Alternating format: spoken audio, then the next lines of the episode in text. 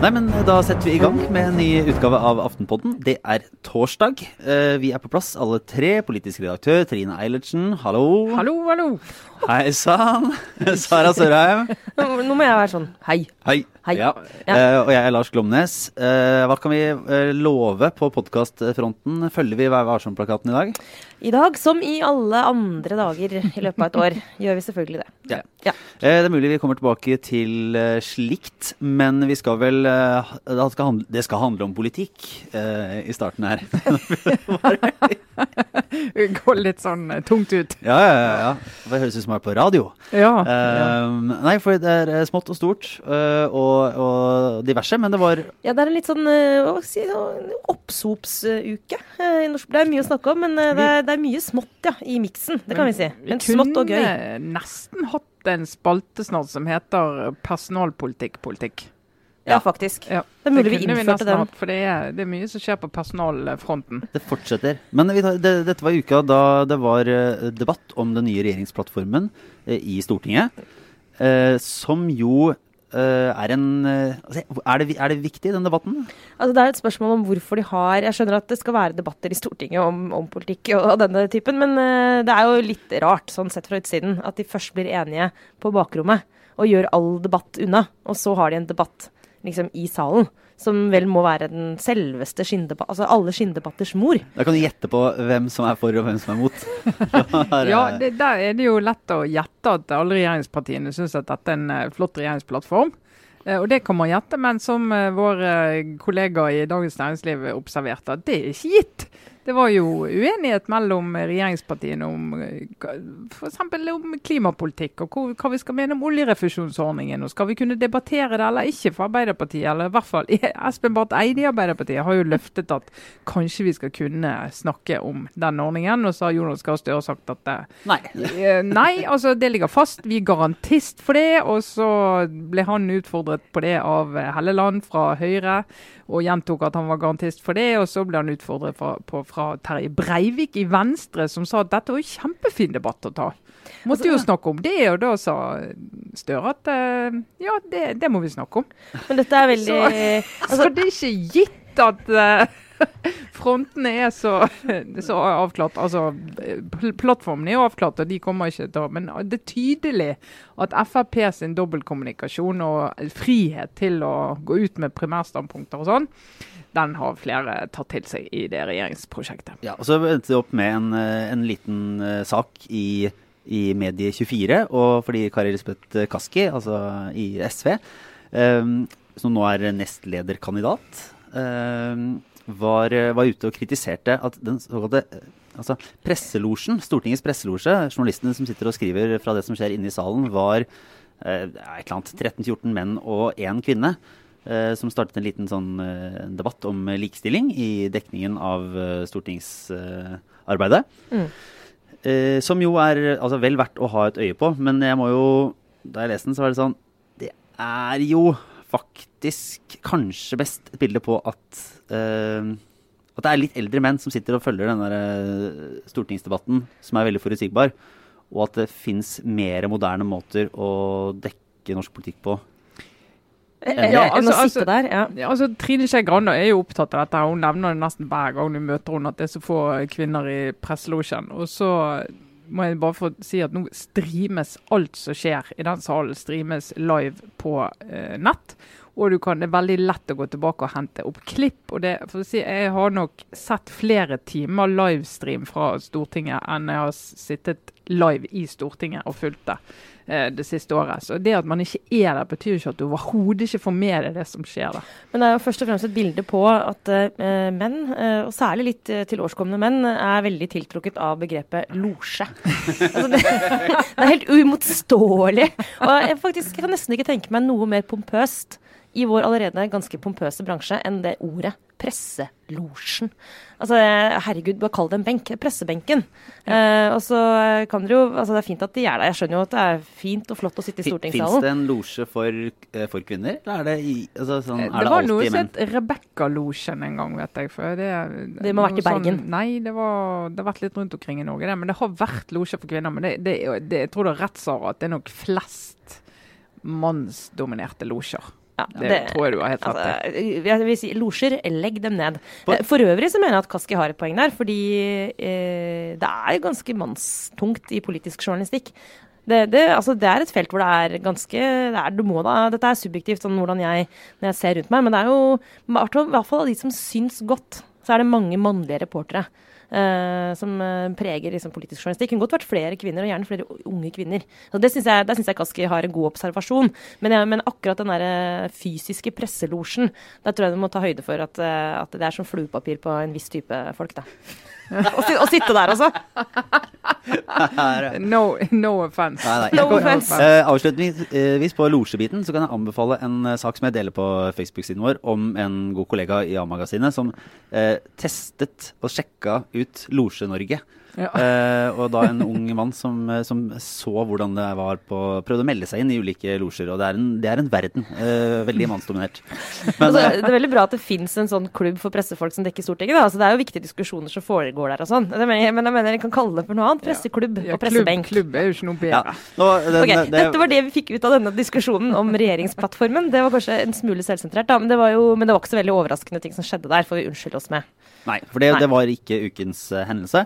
Uh, hvis vi holder oss til det mer skandaløse, så er vi Ja. en ny runde med Fremskrittspartipolitikere, og generelt Ja, ja, det er en liten losje av uh, skandaliserte politikermenn da, fra det siste året. For det er også veldig mannsdominert. Ja, faktisk, det slår meg nå at det Det, det, er også, det er jo utelukkende faktisk menn som har bidratt med disse personalsakene som vi snart aldri blir ferdig Ja. Åh. Men her er et, lite det, må, det er vel et mysterium, deler av det. Men Helge André Njåstad, som har vært da leder i dette organisasjonsutvalget, er det det? Ja, og finanspolitisk talsmann for Frp. Ja, Han har en- vært en av de stigende stjernene i partiet, må jeg kunne si. Flink, flink, eh, dyktig politiker. Ja, og nå uh, har han da gått av uh, Trukket seg fra alle sine verv i kjølvannet av at han skal ha delt informasjon fra organisasjonsutvalget og behandlingen av en eh, i hvert fall en altså metoo-varsler Det var så mange saker, sa han. Ja. At det var, han trengte noen å diskutere med på utsiden. Så det må ha vært flere enn én. Og så bare sånn Men eh, er det ikke Altså, det er organisasjonsutvalget. Det må jo Det er jo mer enn én person? Er Men, men de kaller det for skandalepolitisk utvalg. Det syns jeg er litt sjarmerende. Det er et tegn på fin humor godt, i godt Frp. vant, da. Men, eh, men eh, fordi i utgangspunktet så burde det vel være mulig å, eh, å diskutere disse sakene innad i dette Innad utvalget. utad burde være mulig. Skulle vi kanskje tro at det var hele poenget med utvalget. Strengt tatt. Ja. Eh, Men eh, han har da tatt med seg informasjon derfra og delt med Men med én person. Og, og han sier selv at vedkommende har ikke delt det videre. Men at det i seg selv er et tillitsbrudd å ta det ut av utvalget, da. Og det er jo ikke vanskelig å være enig i. Men, men Siv Jensen var også på at det var bra han trakk seg. Hvis ikke så ville jeg fått ham til å trekke seg. Eh, men altså, Ja, men er det, er det, Men- altså, er det så alvorlig? Men dette, altså, dette, er jo, eh, dette er jo rart. Det Frp håndterer sånne saker på veldig sånn pussig vis. Det er litt sånn, det, det bobler og koker litt grann i, inni partiet. også, men så lenge ingen snakker om det og skriver om det, så er det noe litt sånn ja ja, de får nå holde på. Men så en gang de aner at det blir en mediesak, eller et eller annet sånt, så kommer Siv Jensen ut og sier at eh, nei, dette går ikke, dette er tillitsbrudd. og det, det, Vi må bare si fra og ta avstand med en eneste gang. Så tenker du ja, men da sier jo Njåstad Han sa jo fra om dette for tre måneder siden. Uh, og sier jo sjøl at det var veldig dumt gjort. Og på en måte er jeg med på at derfor så trekker jeg meg. Jeg kan ikke ha, altså Du kan jo åpenbart ikke ha et verv i det utvalget hvis du lekker fra utvalget. Det sier jo seg sjøl. Og så er det konsekvensen for resten. Det er jo en vurdering for partiet, men han sier jo også det at han eh, har en privat situasjon som gjør at han vil være mer hjemme i helgene, og kan ikke være så mye i Oslo som en del av de vervene tilsier. Og så sier han at han ønsket å ta alt nå. Mm. Uh, Så derfor så gikk han ut nå for å liksom tømme hele bøtten på én dag. Uh, og så sier han ja, men det er jo flott for deg. Så det er da han som har regissert hele oppgjøret med den saken, Ja. og sier at sånn ønsker jeg å gjøre det på den dagen, på den måten. Og etter etterpå kommer partilederen og sier nei, dette går ikke, han har ikke trukket seg nå, sa det. Ja, men bedt han om å trekke seg. Og da blir jo spørsmålet ja, når da? Til påske da, eller til sommeren da, eller hva? Var det alvorlig hvis du kunne vente i tre måneder, eller hvordan tenkte dere? Ja, og i, bare si at i kjernen av dette, Det er jo flere ting. Det ene er jo det med å uh, selv ta regi over sin egen avgang. Det er også noe som uh, skandaliserte politikere liksom, gjør i større og større grad. Litt til sånn irritasjon for oss i pressen uh, noen ganger. At du kanskje har ferten av en sak og driver og sjekker den og lurer på Og så nærmer deg publisering, og så legger da, i dette tilfellet ofte da politikeren, altså vi har flere eksempler bare fra fjoråret, ut en tekst selv på Facebook. Men jeg har forståelse for at man ønsker den typen medieregi. da, At det kan være enklere når du har en dårlig sak, å, å gå ut med det sjøl. Jeg, jeg, ser det poenget. Men jeg synes her så handler det om noe mer enn en den det gjelder, enn Njåstad. fordi her er det jo et, en tematikk som er superalvorlig. altså den eh, Behandlingen av metoo-saker er jo noe av det som er kjernen i hele denne metoo-kampanjen. At eh, sånne typer varsler skal bli tatt på alvor. Og da virker det, syns jeg, veldig rart at tilsynelatende, da, sett utenfra, at hensynet til Njåstads egen e, altså behov for å ha regi på det, har veid tyngre enn den signaleffekten det ville vært at partileder Siv Jensen gikk ut det øyeblikket hun ble klar over dette og sa at dette er ikke akseptabelt, eh, dette går ikke, du må trekke deg fra alle verv. I oktober, da hun ble klar over at dette hadde skjedd. Så dette syns jeg dette virker litt hult og men, men, uheldig. Har de, fordi, men jeg lurer på hvor i prinsippet er jo dette da veldig alvorlig, fordi man skal holde de sakene internt. Men her så sier de vel foreløpig at ja, det er ingenting som tyder på at vedkommende som har fått vite det, har fortalt noe videre til noen. Uh, det hevder vel at ikke det skal ha gått utover noe saksbehandling eller hatt noen mm. nyttigere konsekvenser. Uh, og så lurer man på, er det ikke Hvis man er sånn helt realistisk på mye prosess i politiske partier, så er det sånn OK, du har noen nære rundt deg, og så snakker folk med hverandre, og så deler de kanskje litt mer. Og så er det en sånn stilltiende aksept for at så lenge ikke konsekvensen er der, så, så, er det ikke så farlig. Eller det er en sånn naturlig del. Her er det sånn OK, ingen konsekvenser. Eh, må gå av, mister alt. Er det, er, det, er det, noe vi går glipp av, eller er det sånn at så hardt må det være? Nei, altså, det er litt sånn vanskelig å forstå uh, håndteringen av den saken inne i partiet. For han sier jo, i hvert fall de som uh, vi har snakket med, bekrefter jo det at altså, begrunnelsen og det han jo sier offentlig òg, at jeg har ønsket å trappe ned, eh, om du vil, og ha færre verv. Eh, det er reelt. Og det har han snakket om helt uavhengig av den tabben, eller hva du skal kalle det, i det eh, skandalepolitiske utvalget. Eh, så Han har sagt det, og så har han liksom ønsket å kombinere dette. og Så kommer dette reiseregningsdiskusjonen på nyåret. Så virker det litt som at de tar en sånn soper sammen litt sånn forskjellig hans vilje og dumme utvalget og de reiseregningene. Og så blir det en litt sånn ja, det får vi ta det, da. Får vi ta det og bare si at dette var ille. Sånn sekkebehandling.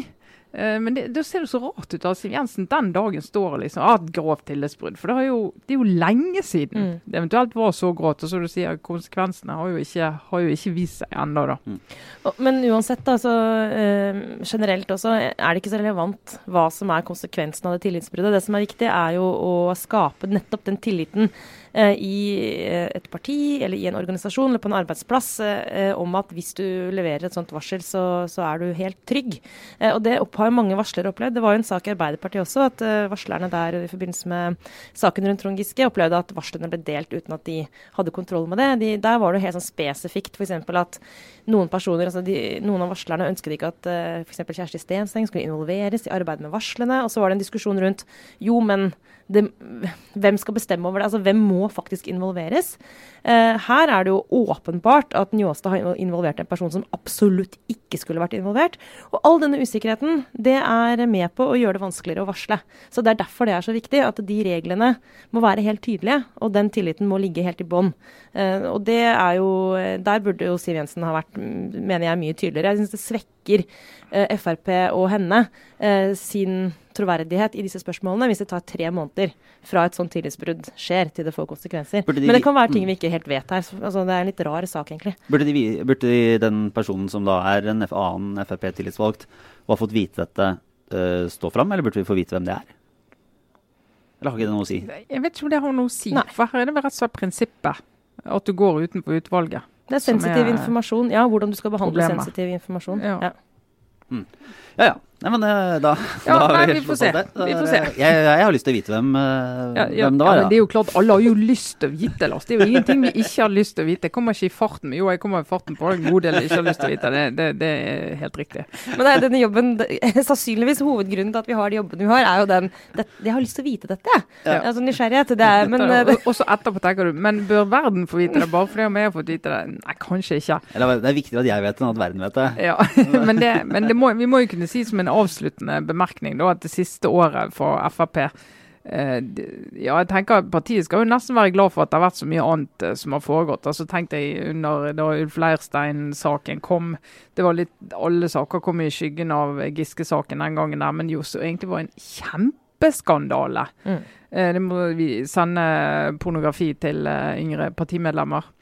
Og så- og da sitter- og, ja. og Masih Keshvari-saken kom i skyggen av hele KrF-debatten. Selv om altså i skyggen ble jo, altså de, de har fått mye oppmerksomhet, men du kan tenke deg hvis liksom, du hadde hatt normalt politisk eh, bilde i Norge i, i den tiden der. Mm. Så det har jo, var litt av et år. Så selvfølgelig Per Sandberg på sommeren, og Sylvi Listhaug som måtte gå. og men da, da, sitter vi der hele, hele gjengen. altså Bård Hoksruds skandaler er jo i, i fortiden. Men eh, nå er det alle de som har måttet gi fra seg alle verv. Ja. Eh, nå, nå begynner de å få verv igjen. for men er egne benken som er sånn fratatt alle verv-benken. eh, Den begynner å bli ganske ganske godt det var røft, røft år. Men Kanskje de kan få sitte opp i presselosjen, sånn, hvis den blir ja. Resten av gutta, ja. Nei, men eh, det som i den andre enden av eh, det politiske spektrumet, så det er påfyll da, av politikere som, eh, som kan delta. For nå har det jo kommet fram denne uka at Mimir Kristiansson, nyhetssjef i Klassekampen, stiger igjen ut av journalistikken inn i politikken. Selv om man kan si han har, har levd i et slags grenseland der en god stund. Det er jo en, eh, en dyd i, i Klassekampen. Men eh, eh, veldig dyktig, veldig sterk retorisk. En, si, en ekte populist skal nå reise til Stavanger, hans, eh, altså sin hjemby, for å være ordførerkandidat. Jeg liker veldig at de har liksom slått fast at eh, Mimir Kristiansson vil bli ordfører. Altså, det, nå kan ikke jeg veldig mye om politikken i Stavanger, men det er en ganske blå eh, by, og at Rødt skal få ordføreren. Altså, Jeg ser ikke for meg at skal Arbeiderpartiet gi fra seg ordførervervet til Altså, Mimer. Nå skal dere bok om Klassekampen. Nei, som, det, eh, skal, det skal de jo ikke. Nei, men altså Boka om Klassekampen som Alf Skjeseth ga ut, Klassekampens historie, den heter 'Å sykle på vannet'. Og det må vi, det, dere må ikke glemme det. At det, Ideen om at det er mulig å sykle på vannet, det er selve motoren ikke sant? i denne kraften. Hele bevegelsen er basert på troen på det umulige. Det er nesten å sammenligne med en religion. Ja. Uh, sånn at uh, det, jeg tror ikke det plager Mimir Kristiansson slik jeg kjenner han, sånn veldig mye om det er 100% urealistisk at han kan bli ordfører. Det er egentlig bare ekstra motiverende. Altså, han vil gjerne bli det, og han har tro på at Rødt kan gjøre sitt endelige gjennombrudd.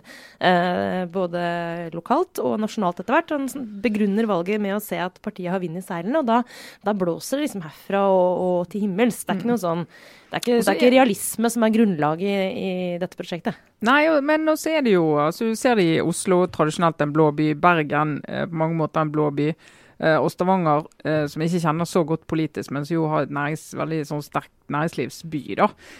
Så, og du har blå, hatt blå ordfører i mange perioder. Der, har du jo ofte, der er venstresiden ofte mer radikal enn han er i, i byer som ikke er så blå. Altså SV i Bergen regnes som rødere enn SV mange andre steder. Du har et sterkt rødt. Samme i Oslo, du har et sterkt rødt. Eh, Sånn at Du får jo en sånn naturlig sånn motkraft til det. og Så blir det jo interessant å se eh, hva han kan få gjort. Eh, For han har jo, Nå er han jo kjent på en annen måte enn han var sist han var politiker. Han er en profil. Han kan jo definitivt prate og ytre seg og debattere. Så Det blir jo spennende å se hva han får til. og Jeg tror han kan mobilisere en del. altså. Ja, altså, jeg, Dette føler jeg at jeg kan forutse. Nå må jeg skylde jeg Ja, At han blir ordfører, det, det, da blir jeg veldig Ja, det overrasket. tror jeg ikke det kommer blir veldig, veldig overrasket. Men jeg må jo jeg skylder jo opplyse om at jeg har jo vært kollega med Mimir, og kjenner Mimir eh, godt. Eh, Så her kan vi like godt være på fornavn eh, i ærlighetens navn. Og har veldig respekt for hans evne til å forstå liksom, medielogikken. Altså, han kommer til å være veldig synlig. Han er superflink til å liksom, komme på trykk. Men eh, han, han har jo også en hang til en ganske sånn populistisk fremstilling av verden. Og jeg, jeg bare, jeg bare veit hva som kommer til å skje. Altså, jeg gruer meg allerede. Det er, det er, det er denne uka har det begynt. Eh, en sånn eh, Nå som man endelig har kommet seg ut av Oslo. sant? En sånn utrolig irriterende Oslo danging. Eh, han, med sånne spissformuleringer som 'politikken skapes på Vestlandet, ikke på vestkanten'. Eh, og er ute nå og snakker om at verdiskapning foregår på, ute i distriktene, på Vestlandet, og ikke i Oslo. Vi sitter og som, slurper i oss kaffe latte og flytter papirer. Og det er så lei av den derre utrolig eh, slitsomme og polariserende og feil, feilaktige fremstillingen av, av Norge sånn øst mot vest. Og det går rett inn i Senterpartiets liksom, suksessformel. Nå skal Mimir liksom, gjøre en Vedum og bare liksom, gønne på med det jeg mener er sånn fordummende uh, politisk retorikk. Ja. Nei, men det her, Håper jeg tar feil. Ja. ja. og så er det jeg skal si at ja, men han har jo et poeng. Nei. jo da, han har et poeng. Men, men eh, altså, på den måten at uh, altså Det som mange reagerer på uh, ute i resten av landet, det er at så enormt mye av debatten foregår her i Oslo. Så enormt mye av makten er konsentrert her i Oslo. Og mange har en opplevelse av at de sitter der ute og skaper verdier, har viktige arbeidsplasser, skaper arbeidsplasser, liksom skaper eksportinntekter. Og på en måte ikke blir sett uh, i det hele tatt. Men vi skal si at det er bare der du skaper verdi. Det, det, det, det er en litt sånn gammeldags verdidiskusjon. Uh, for da, da sier du egentlig at ja, ja tjenester Uh, altså Det at jeg er en IT-konsulent som du kan leie inn i din bedrift for å gjøre en jobb for deg, det er ikke verdiskapning. Men det er jo verdiskapning, for din bedrift kunne ikke ha laget de systemene som gjør at den leverandøren på Vestlandet til oljeindustrien kan gjøre sin jobb. Sånn at Dette er jo en kjede, så det er jo verdiskapning i alle disse kjedene. Mm. Uh, og I Oslo skjer det masse verdiskapning. Men det er klart at en del av den verdiskapningen vi snakker om på Vestlandet, den er jo så sykt lønnsom. altså Den er så sykt lønnsom. Og du ser på oljeinntekter, det er jo oljeinntekter, olje- og gassinntekter vi snakker om. sant? Ja, men, uh, altså det, det, er så enormt mye per ansatt i uh, inntjening for nasjonen Norge da, at det er ingen andre næringer som kan, som kan måle seg. Så du, du, kan liksom snakke om det sånne størrelser, men å si at det ikke er verdiskapning i Oslo, det er jo det er tull. Mm. Kan jeg hvor mye ja. ja. for at, uh, Er det ikke litt urettferdig, for å bruke et voksent uttrykk, at liksom, oljen på norsk sokkel Altså jeg skjønner at oljeservicenæringen altså, den er på Vestlandet, men, men det er ikke rettferdig at det, det skal regne lønnsomhet på Vestlandet. at liksom, det som er ute i havet, skal telle på, for Vestlandet i det regnestykket? Det finnes mange altså Hvis du tar på sysselsatte da, som jobber i, i ja, oljeservice ute på plattformene. altså De jobber jo ikke like mange ute på plattformene fra alle fylkene gjør ikke det. Det er, det er, veldig langt å reise for en del. Selv om noen kan gjøre det. Det, jo, det, det finnes folk i hele Norge som jobber der. altså. I dette her veldig navlebeskuende regnestykket som SSB kommer med, hvor de ser på da verdiskapning fordelt på fylker, så har jeg skjønt at det er faktisk en diskusjon da om du skal regne inn uh, det som skjer ute på sokkelen ja. til liksom, de vestlandsfylkene, eller om det tilhører alle og bare skal fordeles jevnt utover. Det er kanskje en litt sånn teknisk, uh, for det, ja, men, men, uansett Salige og nå avdøde Frank Aarebrot, han snakket jo i jeg vet ikke om det var fullt alvor, men 90% alvor da, om løsrivelse, og der Vestlandet skulle ta med seg sokkel og bare si at greit, vi klarer oss sjøl. Og det, de hadde klart seg sjøl da, altså, men, men Trine, hvor, ja, hvor, hvor, mye rom tror du det er i norsk politikk nå for en sånn mer populistisk venstreside? Ja, vet du, det er jeg litt sånn spent på. fordi at uh, vi ser jo at uh, Vedum klarer å mobilisere en del på det. Altså Han har mobilisert mye på det, men det kan også virke som han stanger litt mot en form for tak. Eh, og så ser vi at eh, Arbeiderpartiet, i hvert fall de siste målingene, så er Arbeiderpartiet litt tilbake igjen i siget. Og de prøver jo alt de kan å ikke være en populistisk venstreside. Takk og lov for det. Eh, og, så, ser denne her eh, SV, Rødt for det, de, Der de tar uh, velgere, er jo fra Arbeiderpartiet. Altså Det er jo mm. bevegelser på venstresiden vi snakker her om. sant? Og Når Arbeiderpartiet ligger nede for telling, så er det lettere. Så det er sånn vanskelig å forklare hva som handler om at Arbeiderpartiet ikke greier å kommunisere og driver med personalpolitikk, og hva som handler om at folk er mer mottakelige for en litt sånn populistisk venstresideretorikk. Det, det, det, er ikke, det er ikke lett å peke på akkurat én ting og si at det gjelder det. For det er litt sånn ting som faller sammen i tid. da. Mm. Men det er jo interessant å se ulike strategier. Eh, hvis du ser på de sosialdemokratiske partiene i Skandinavia nå, så er jo det der altså I Danmark har sosialdemokratene lagt seg på en altså, Det er kanskje urettferdig å kalle det populistisk, men, men, de har jo tatt en retorikk rundt særlig innvandringspolitikk eh, som er uh, mye mer uh, høyrevridd, for å heller bruke det begrepet, og søker et samarbeid med Dansk Folkeparti hvis de skulle komme til i regjeringsmakt ved neste valg, for å få til en, det de sier er en streng innvandringspolitikk, som egentlig ikke er så ulik den både de norske og de svenske sosialdemokratiske partiene også står for, men hvor de legger seg på en helt annen retorikk enn det, enn det Støre og Arbeiderpartiet i Norge vil gjøre. Og det, og, og det er som sånn, tilsynelatende to helt forskjellige partier. og, og, og Rødt, ja. Der eh, kan de i hvert fall, hvis de vil, sannsynligvis liksom spille på litt av de samme eh, populistiske strengene, men med et helt annet fortegn. Så det er, det er, som, det er to sånne, eller det er noen sånne retningsvalgene på venstresiden som blir interessante å, å følge fremover. Ja, det gjør det. Og så er det jo et eller annet politisk naturlov i at hvis du har en høyreregjering som er på vei inn ja, halvveis i sin andre periode, så skal det jo skje ting på venstresiden. Hvis ikke det skjer ting på venstresiden nå, så virker jo ikke venstresiden. Altså, Det må jo skje. Mm. Men det kan, det kan, jo se en liten uh, spådom, så er det vel at uh, Mimir Kristiansson neppe blir ordfører i Stavanger.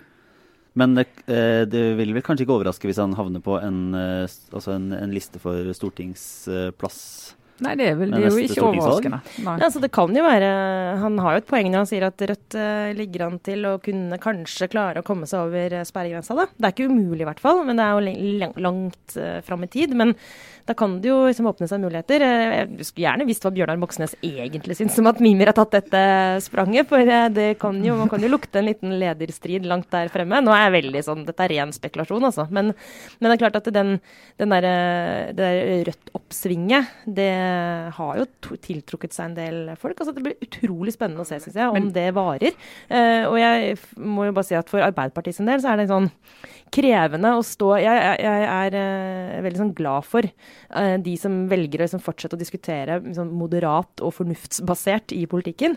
Uh, men jeg ser jo at det kan være liksom, vanskelig å lykkes for Støre med den derre på den ene siden, på den andre siden retorikken, hvis han blir liksom veldig veldig pressa fra venstre av liksom, populister som, som, vet nøyaktig hva de skal si for å treffe de rette strengene. Så, ja. men, her, men, her, er jo Kristianssons måte, hva skal si, Eh, politikk, og sånn som han i hvert fall har uttrykt det tidligere i mye debatter, så, så, har jeg jo forståelse for hans argumentasjon for populisme. Altså en, en, politisk debatt som fanger opp de som ikke bare henger seg på midt på, ja, ja. på merket. ikke sant? Som, og, og gir en stemme av en teknokrat? Ja. ja, som har, måte, har, har, argumenter for følelser, og for, for, å få med de som kanskje ikke føler seg inkludert i den eh, samtalen som foregår i podkaststudioer i Oslo. da. Uh, og at det ikke bare er noe som skal tilhøre høyresida, det har i hvert fall vært hans, som jeg har forstått han tidligere, at må, der må venstresida ha et alternativ som, som klarer å, å, løfte noen spørsmål som ellers faller igjennom. Og da får man heller bruke sterk retorikk og, og ordentlige følelsesvirkemidler for å dra det gjennom. Og Det er klart, det som eh, den delen av venstresiden kan peke på, og som noen jo pekte på da den nye regjeringen eh, ble kjent forrige uke, det var jo det var mange flere fagbrev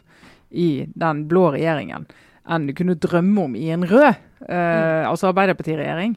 Uh, du har liksom folk som kommer fra et uh, normalt yrkesliv sant? I, i den regjeringen. og Kjøttskjæring, var det det som var en uh, her? Ja, det var mye forskjellig. Mm. Og så når Venstre kan si at, For de vet jo at de konkurrerer med Arbeiderpartiet om velgere. sant? Mm. At de, det er vi som representerer ordentlige arbeidsfolk.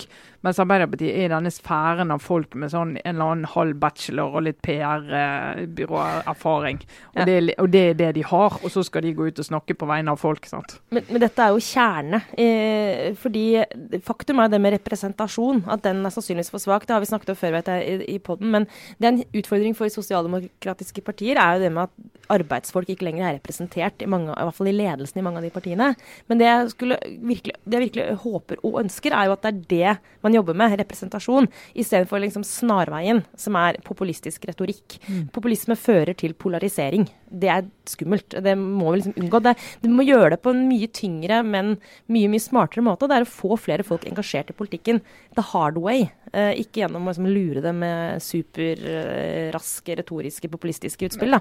Men dette her, det er, det er en reell utfordring. Jeg får lov å komme med et bitte lite stykke reklame, da som eh, skal markere det som, eh, at Frank Rossevik hos oss han skriver en kommentar som blir publisert i kveld. Eh, som handler om de gule vestene i Frankrike, som nå vurderer å bli et politisk parti.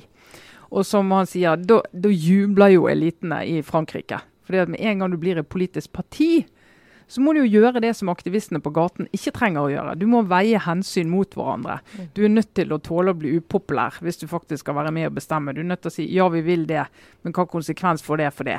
Eh, så han diskuterer litt i denne kommentaren hva det gjør med en sånn bevegelse når du tar steget fra å være en eh, ja, gule vester på gaten til å bli et parti. Populisme. Ja. Og ingen skal anklage oss for å være veldig populistiske, fordi uh, av og til når vi skal planlegge podkast, så kommer uh, Eilertsen inn med noe fra, fra en eller annen utredning eller et eller annet uh, sted borte i skuffen. Uh, og nå, Trine, uh, ja, ja. har du insistert på at vi skal snakke om kraftpriser. Ja, og vi lurer, egentlig, vi lurer egentlig litt på hvorfor vi skal det, men vi er jo lyttende ja, her, Lars. Så hvis, du spør, hvis du spør om det, så har du for god råd. Ja.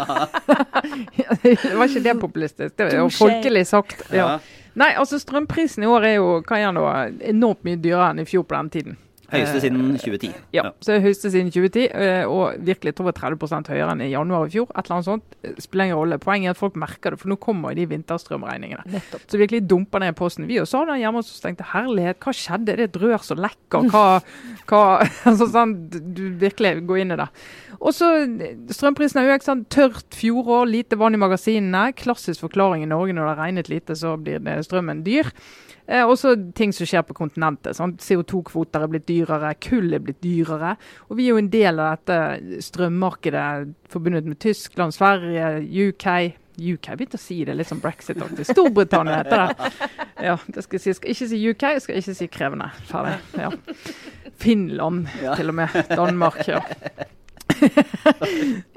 vi er en del av det. sånn at Prisene våre, selv om vi har mye strøm og i prinsippet alltid har hatt, og vi har verdens billigste strøm altså Vi har også så billig strøm så at alle andre ville bare dødd for oss så billig strøm som vi har. Og sånn er det fremdeles. Ja, for sånn er det fremdeles. Sånn er det fremdeles. Ja, da, Så alt er relativt gode venner. Alt er relativt. Men det er jo klart folk blir opptatt av dette. Og de som har aller dårligst råd, for det er jo ikke sånn at en med veldig dårlig inntekt får en lavere økning på strømregningen enn du får, Sara. Nei, det er ikke du, du merker det dårligere, eh, mm. mindre. Så blir det jo en diskusjon hva skal vi gjøre som politikere for å svare på det. Og Da er det jo interessant å se hvor eh, løsningene kommer. For da er det jo som regel sånn at de som er i opposisjon, de er raskt ute med å si at dette må vi kompensere de som har dårligst råd med. Sånn har det vært når de blå var i opposisjon, og sånn er det når de røde er i opposisjon. Så i hvert fall SV har vært veldig tydelig, og Rødt òg på at eh, nå bør de eh, med dårligst råd få økt eh, bostøtte, som kan kompensere for denne prisøkningen. Og Det har også skjedd før, under den rød-grønne regjeringen, og det skjedde under Bondevik II-regjeringen, da det var sånne strømprisøkninger. Og Erna Solberg sier at vi er jo for så vidt åpne for det, men det har ikke vart lenge nok ennå til at vi skal gjøre det. Men så kommer Senterpartiet med en sånn En ting er å løse problemet her og nå, men det vi må slutte med, er å bygge kabler til utlandet sånn at utlendingene kan få den strømmen vi kunne beholdt sjøl veldig billig og at vi slipper å bli så påvirket av strømprisene på kontinentet. Og Da jeg kjenner jeg rykker rykker det i populistfoten min, da.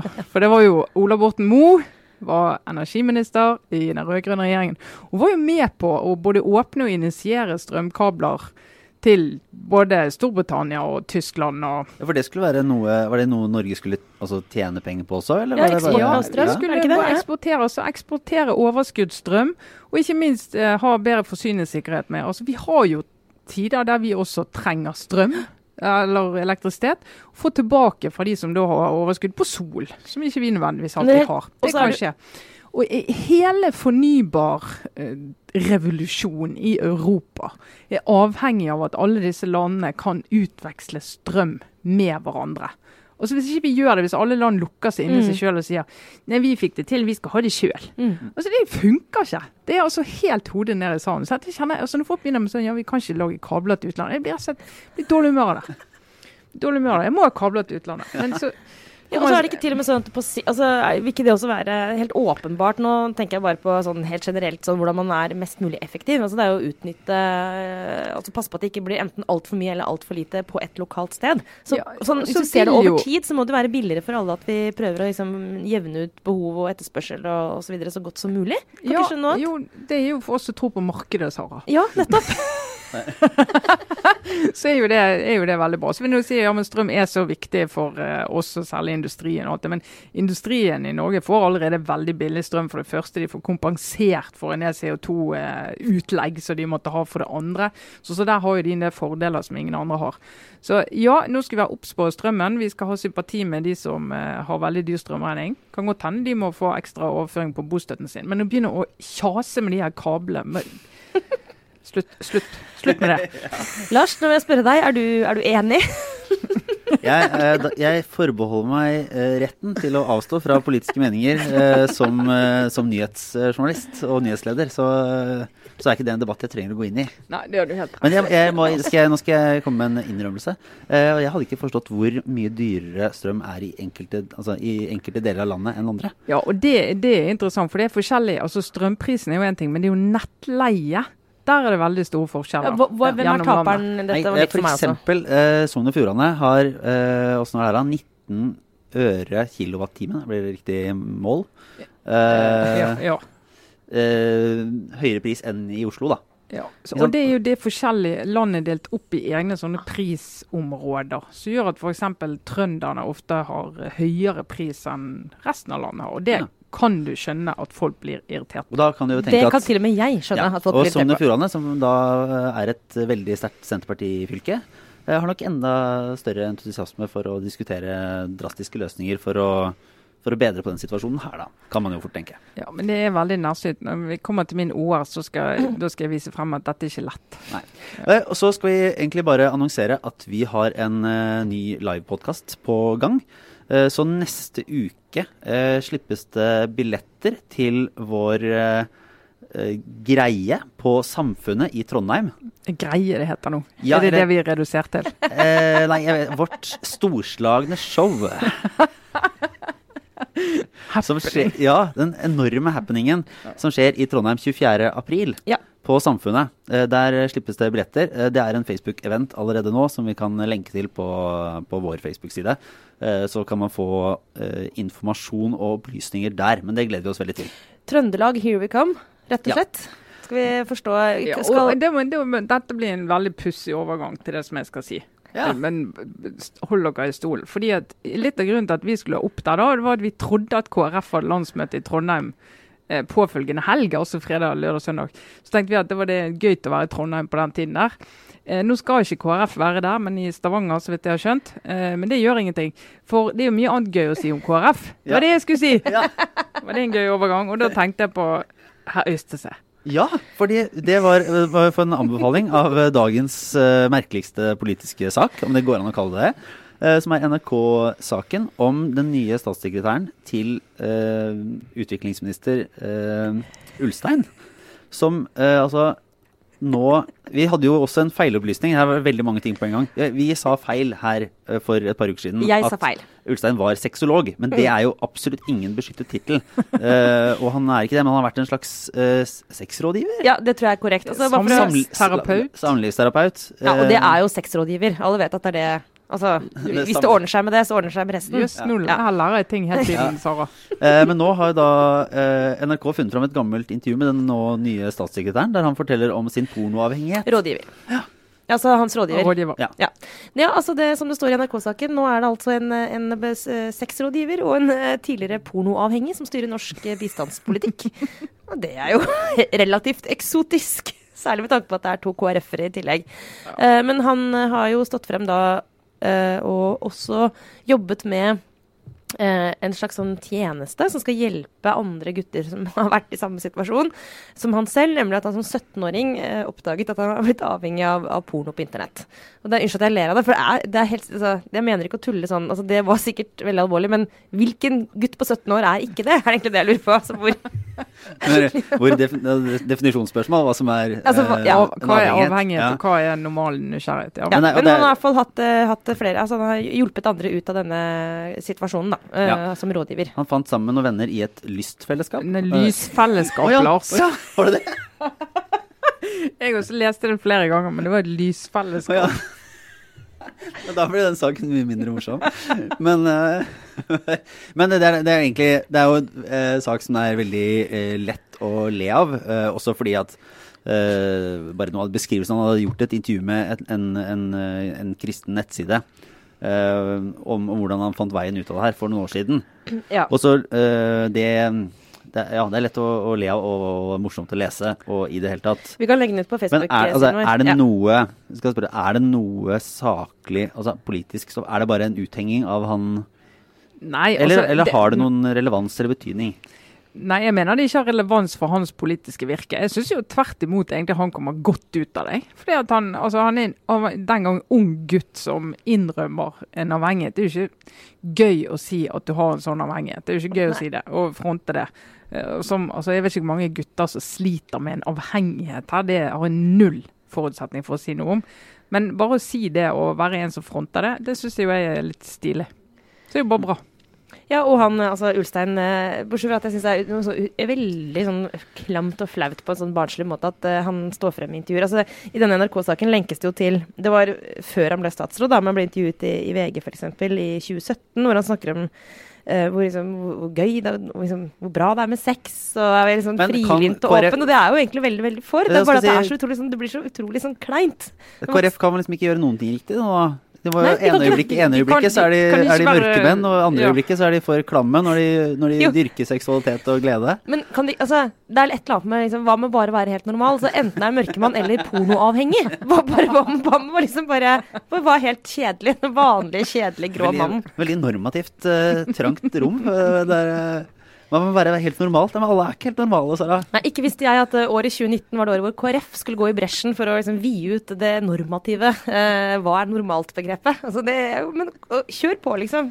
Det er fint, det. Uh, det er tross alt bedre at de er et fargerikt fellesskap enn at de dyrker liksom, ensretting. Og det, det, det, kan man ikke anklage KrF for å ha drevet med så mye i det siste. her er det Guds, Guds hus har mange rom. Skal vi se. men vi har litt obligatorisk refleksjon på tampen her. Ja. Jobber oss gjennom. Uh, Sara Sørheim? Ja. Uh, I dag eh, og denne uka har jeg egentlig vært litt opptatt av Nå skal vi ta et langt sprang uh, av um, grensene mellom uh, juss og god oppførsel. den nasjonale scene i Bergen har blitt saksøkt av familien til Vigdis Hjorth. fordi de har satt opp en teatervariant av hennes fantastiske roman 'Arv og miljø'. Eh, og i den teatervarianten, som også har fått veldig god mottakelse, og hadde premiere i høst, uh, ifølge søksmålet så er uh, det der skyldspørsmålet rundt denne incestanklagen er tydeligere i teateroppsetningen enn i romanen. Romanen kan jo leses Du kan jo tolke den litt sånn ja, litt sånn som man vil, egentlig. Men i, i, visstnok i teaterstykket så er det ganske sånn Faren i stykket går ganske langt i å innrømme at han har gjort noe mot datteren sin. da. Og dette er jo da ifølge teatret en, en, fri kunstnerisk tolkning, altså en dramatisering av, av Vigdis Hjort sin roman.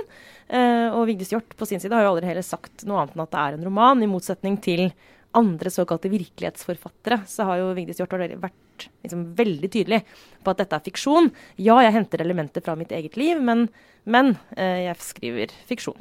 Og så, som mange av våre lyttere vet, så har jo familien til Vigdis Hjorth, deler av den i hvert fall, hevda at den ligger for tett på virkeligheten, den boka. Og dette er jo en, en debatt som har rusla godt i mange år. Men det som har skjedd nå, er jo da at, eh, at, eh, de forsøker dette for retten. Altså går til søksmål. Og det er jo interessant, særlig i lys av ganske mange andre diskusjoner som pågår nå, eh, hvor man prøver hva skal vi kalle det for noe, moralske eller etiske spørsmål liksom, eh, for, for, retten. Da. Ja, for det, det, er litt nysgjerrig på det søksmålet. Og så er det en sånn eh, ærekrenkelsessøksmål, rett og slett. Ja. Mm. Godt gammeldags. Ja. ja. Mm, ærekrenkelse. Altså fordi da moren til Vigdis Hjorth, som er saksøker, og på vegne av seg selv og sin nå avdøde mann, hevder jo at det er påstander. ikke sant? Og det her er det jo denne incesthistorien som ligger i, i bunn. Påstander som, som, de sier at er usanne, men som rammer dem. usanne påstander. Og da er det jo over i den injurie og ærekrenkende eh, jussen. Men det, det, skal jo utrolig mye til i utgangspunktet å, å bli dømt for ærekrenkelser. Eh, og det må vi si, vil vi kunne legge til heldigvis, egentlig. Det, men eh, det betyr jo ikke at det er riktig likevel å si hva som helst om hvem som helst. Det er bare det at eh, grensen for hva som er god eller dårlig eh, moral eller etikk, da, går et helt annet sted enn hva som er lov og ikke lov.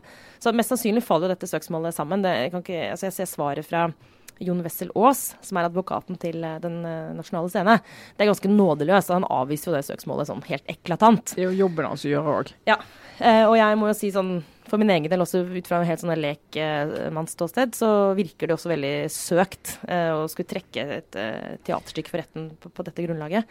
Men, men, jeg har jo sympati for, for, det, for, den reaksjonen fra andre siden også. fordi hva skal man ellers gjøre? Og her er vi kanskje ved kjernen ved min OR. da, Det var at eh, hvis du opplever deg som krenka, så har du jo ikke så mange andre valgmuligheter. Og spørsmålet er Burde man hatt det? Altså I pressen så har vi Vær varsom-plakaten, uh, og vi har uh, Pressens faglige utvalg. Så hvis du opplever at du har blitt på en måte begått urett mot i pressen, så har du et sted du kan gå og klage. Men det har man jo ikke på egentlig noen andre områder. Og da er vi jo på en måte ved altså, Kanskje f.eks. For forlagsbransjen og kulturbransjen burde sett litt på om de skulle hatt et eller annet forum. Ja, det er jo objektivt sett krenkende for denne, altså for Hjorts mor og da avdøde far. Altså det, er jo en, det er jo tolka i offentligheten som en slags påstand. Ja, ja. Og, og, da En kan jo skjønne at det er en fryktelig situasjon å være i. At noe skal settes opp et teaterstykke som, som, ja, jeg, som Norge ja, altså. identifiserer med din avdøde ektemann som det er grusomt. Som overgriper. overgriper. Jeg hadde jo fått helt panikk av det. Men, men, men, så tenker jeg jo at kanskje bare det at du sier at du Nå vil jeg gå til sak mot dette. Så er på en måte mye av effekten det er mye av effekten der ute.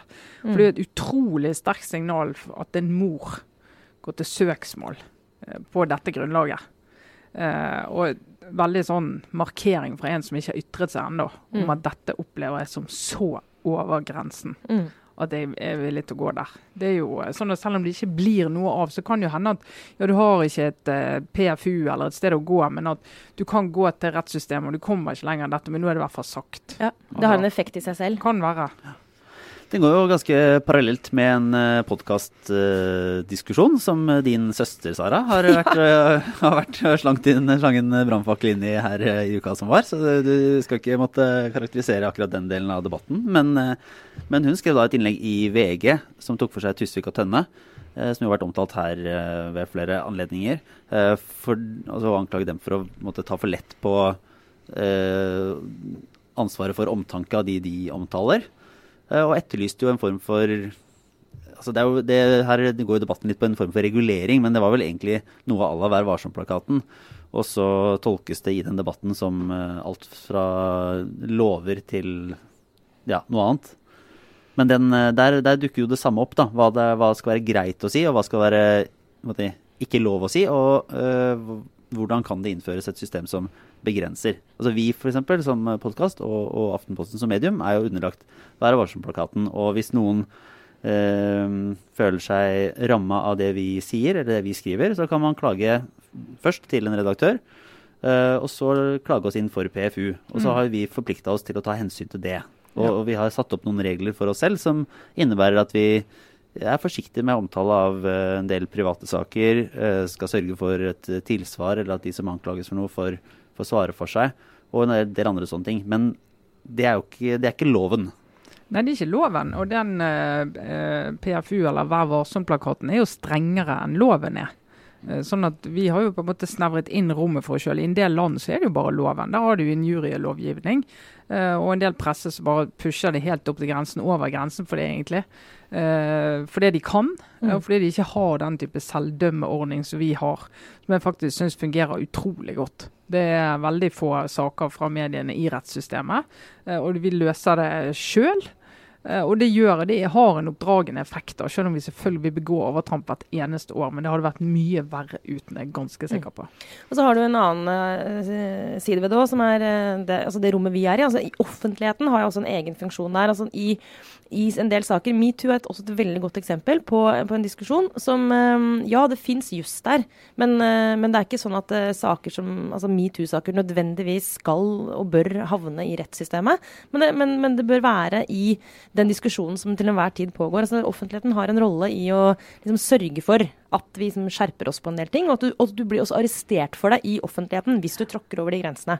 Og det, Uten at jeg skal gå inn på min søsters uh, og mene så mye om hennes innlegg, så tenker jeg at i det som er ikke-redaktørstyrte medier, da, eh, så kan det liksom, og også i kulturlivet faktisk, liksom, sunt å stole på at eh, Eller prøve å, liksom, bevisst bygge opp en samtale rundt disse tingene.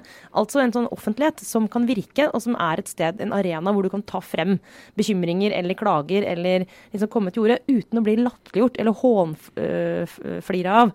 Og der syns jeg jo, eh, tilbake til det med diskusjonen i kulturlivet, der syns jeg både forlag og andre liksom, prominente deltakere i den kulturdebatten eh, kan liksom jekke seg litt ned. fordi den, den, reaksjonen som kommer der, hvis du våger å liksom stille spørsmål ved hva som skal være lov å gjøre i kunstens navn f.eks., mener jeg sånn, den, den er altfor svart-hvitt. Da Da slås det ned. Men er det ikke, helt sånn, er det ikke et eller annet, altså, Der er bare den spørsmålet om hva som skal være lov. Der er det så veldig mange som tolker det som faktisk lov. Ja, altså, sånn, sånn rettslig lov, liksom. Som, at, som ja, at ethvert et hvert forsøk på å debattere hva som er uh, lurt eller uh, fungerer eller akseptabelt, skal bli et spørsmål om faktisk juss. Mm, det, veldig... det, er det jo veldig få Det har jeg jo ikke ja, sett ikke egentlig inn i denne debatten her. Det er nesten ingen som mener det. Men, men, det er jo klart hvis du ser på satire, så er jo det enormt mye som er lov, skal være lov. Altså Alt skal jo være lov. Du skal kunne raljere med omtrent absolutt alt mulig. Så må liksom publikum på en måte avgjøre om de syns det er stilig at du sparker nedover, f.eks. Eller om de mm. syns det er vittig. Mm. Uh, de fleste av oss vil jo mene at det er det ikke. Uh, eller hvis du, du liksom utleverer folk på en måte der alle som hører på, tenker at er dette vittig, eller er det egentlig en, en eller annen form for hevnaksjon inni det her, fordi at du faktisk har den plattformen? Altså Det må liksom få den vurderingen. Men den diskusjonen, å nekte å delta i den, det, det syns jeg jo er merkelig. Vi kan ta eh, Min lille obligatoriske refleksjon denne uka er egentlig bare en anbefaling. Fordi nå nærmer vi oss eh, alpin-VM. Og med det uh, slutten på Aksel Lund Svindals uh, fantastiske oh. karriere. Uh, du Sara, hadde jo et nær Aksel-øyeblikk her om dagen. Ja. Da han satt på samme kafé som meg. Aksel Lund Svindal er en så fantastisk idrettsutøver. Og jeg vet at jeg ikke er alene i dette studioet om å mene akkurat det. Nei, det er en faktaboks. Her om dagen så satt jeg på en kafé rett ved siden av han, og så hadde jeg altså, så intens lyst til å gå bort, men så tenkte jeg at det egner seg ikke. Altså i Norge, jeg tror ikke Er det greit? Og så kan man gå bort til en idrettsutøver og si sånn Uh, hva skal man si, liksom? Men, men, du, er du, du, er veldig god å stå på ski. ja. Nei, du skulle jo sørga for en autograf til Trine. Ja, det, det, kunne du godt ha gjort. Ja. Det mener jeg, Sara. Men det er noe så. Det er et, uh, blir veldig spennende. Det var ikke det vi egentlig skulle fortelle. Nei, det var ikke det. Men det er jo en, jeg, for, for, uh, for, oss som mener at han er en fantastisk idrettsutøver og en, og en utrolig fin fyr. sånn sett Uten at vi kjenner Jeg skal ikke påstå at vi kjenner han. Nei. Eh, så, så, så, er det en spennende slutt på en eh, karriere. Men det, den, eh, det jeg leste og skal anbefale, er en NRK-sak som jeg skal dele på Facebook-sida, som handler om Ragnhild Mowinckel, som da holder på og driver med Altså Den går rett inn i hennes forberedelser og analyse og trening. Og jeg, altså som idrettsinteressert, så er jeg så glad i sånne saker som forklarer hvordan er det de gjør det, og hvor mm hvor nøye jobber de, og du får den der respekten for hvor ekstremt detaljorientert de er. Og der har NRK vært med og lagd en flott sak som viser hvor utrolig nøyaktig det planlegges. Altså ruta ned en sånn løype, og hvor mye det har å si, og sånne små detaljer. Og det er jo nerdete, men det er bare så kult å se, og så fascinerende. Og du får kjemperespekt for hvordan de terper og terper og tenker å bli bedre. Og det er veldig inspirerende. Så den skal jeg dele og anbefale, og så får jo alle bare følge VM, da. Ja, og det, det, Jeg skulle egentlig Ja, jeg skal ryke, for jeg har kjempedårlig tid, men jeg skal bare ja. si det. Min OR er det. for vi snakket jo om eh, fornybar energi og alt det der. Alle er jo for vindmøller og sol og alt det vi får. Men nå er det også noen som diskuterer å tapetsere Stølsheimen med vindmøller. Det er en eh, fjellheim som jeg har brukt enormt mye tid i da jeg var student. Og når jeg så det, så bare Jeg gikk helt i grått. Og så ble jeg helt sånn Nei, kommer ikke på tale. Eh, og så gikk jeg litt inn i saken, så ser jeg NVE da, jeg holder på å gå gjennom 43 områder. De har delt Norge opp i 43 sånn cirka. Der de skal vurdere hva områder som egner seg for den type utbygging og ikke. Så hele Norge er nå under en sånn vurdering. De skal levere noe til regjeringen i mars, var det vel, eh, på det. Eh, og det er jo kjempeengasjement lokalt for dette. Og det, det er ikke spesielt for Vestlandet, det er i Trøndelag og det er overalt. Eh, og, men denne eh, debatten, altså hvis noen som husker liksom vassdragsdebattene fra 70-tallet Jeg husker så vidt eh, Alta-saken eh, og et par til. Eh, men denne her eh, mellom naturvern og storsamfunnets eh, behov for energi, Mm. plante disse her eh, unnskyld meg, grusomme figurene oppi verdens vakreste fjellområder. Det, har jo, det er noen dilemmaer knyttet til dette, samtidig som mange av oss mener de er ekstremt opptatt av at vi skal få mer eh, fornybar energi. Eh, dette kommer til å bli en av de neste årene store kranglesaker. Altså, er det- Virkelig store kranglesaker. Og De det nye forstår jeg så godt. Ja. Ja. Og nå eh, vil jeg be våre lyttere der ute, som er i et område der det er diskusjon om vindmøller, også sende meg en liten mail. Eh, jeg har lyst til å høre litt hva de går i, hvordan frontene er. Eh, for dette er jeg nødt til å sette meg ned og skrive. Men her er det jo da man møter det utrolig eh, vanskelige hva skal vi si, for noen nullpunktet hvor ens egen overbevisning møter liksom ens egen eh, hva skal vi si, fritid og privatliv. Det er lett å være for vindmøller, men ikke akkurat når du står utafor eget eh, stuevindu. Når du hører folk si ja, men de er jo så fine, bare sier jeg, gå hjem og våg. Bygg nå sånn 250 meter høye master i din hage. din. Ja. Så på vegne av Trine vil jeg faktisk bare legge til at hvis noen av dere liksom ser en løsning for å kunne leve med dette og, bli, og fortsatt være et eh, og oppegående menneske Altså sånn jeg har, jeg har fått en monstermast eller jeg har fått en vindmølle i hagen ja. og lever godt med det, så kan du, kan du legge til det også, da. Som et Ja. lite sånn life hack eh, til Trine Eilertsen. En slags trøst. Nei, men eh, jeg tror vi runder av med det. Nå løp eh, Eilertsen ut av eh, studio her for å gjøre et eller annet eh, viktig, og vi må vel få til noe mer i dag, vi òg. Ja, vi kan vel ikke kalle dette et helt eh, dagsverk, eh, kanskje, Lars? Nei. Men vi er tilbake neste uke, og så da legger vi altså ut billetter til Trondheims eh, live-podkasten vår, som vi gleder oss til. og så håper vi at noen vil synge Trondheimssangen for oss når vi kommer til Trondheim. Ja, det bør Trøndersangen. Ja. Unnskyld, Trøndersangen. ja, det Ja. er veldig viktig. in- Inkluderende Trøndersangen. Ja. Ja. ja, men Vi er tilbake neste uke. Dette var Aftenpodden med Trine Eilertsen, Sara Sørheim og jeg Lars Glomnes. Ha det bra.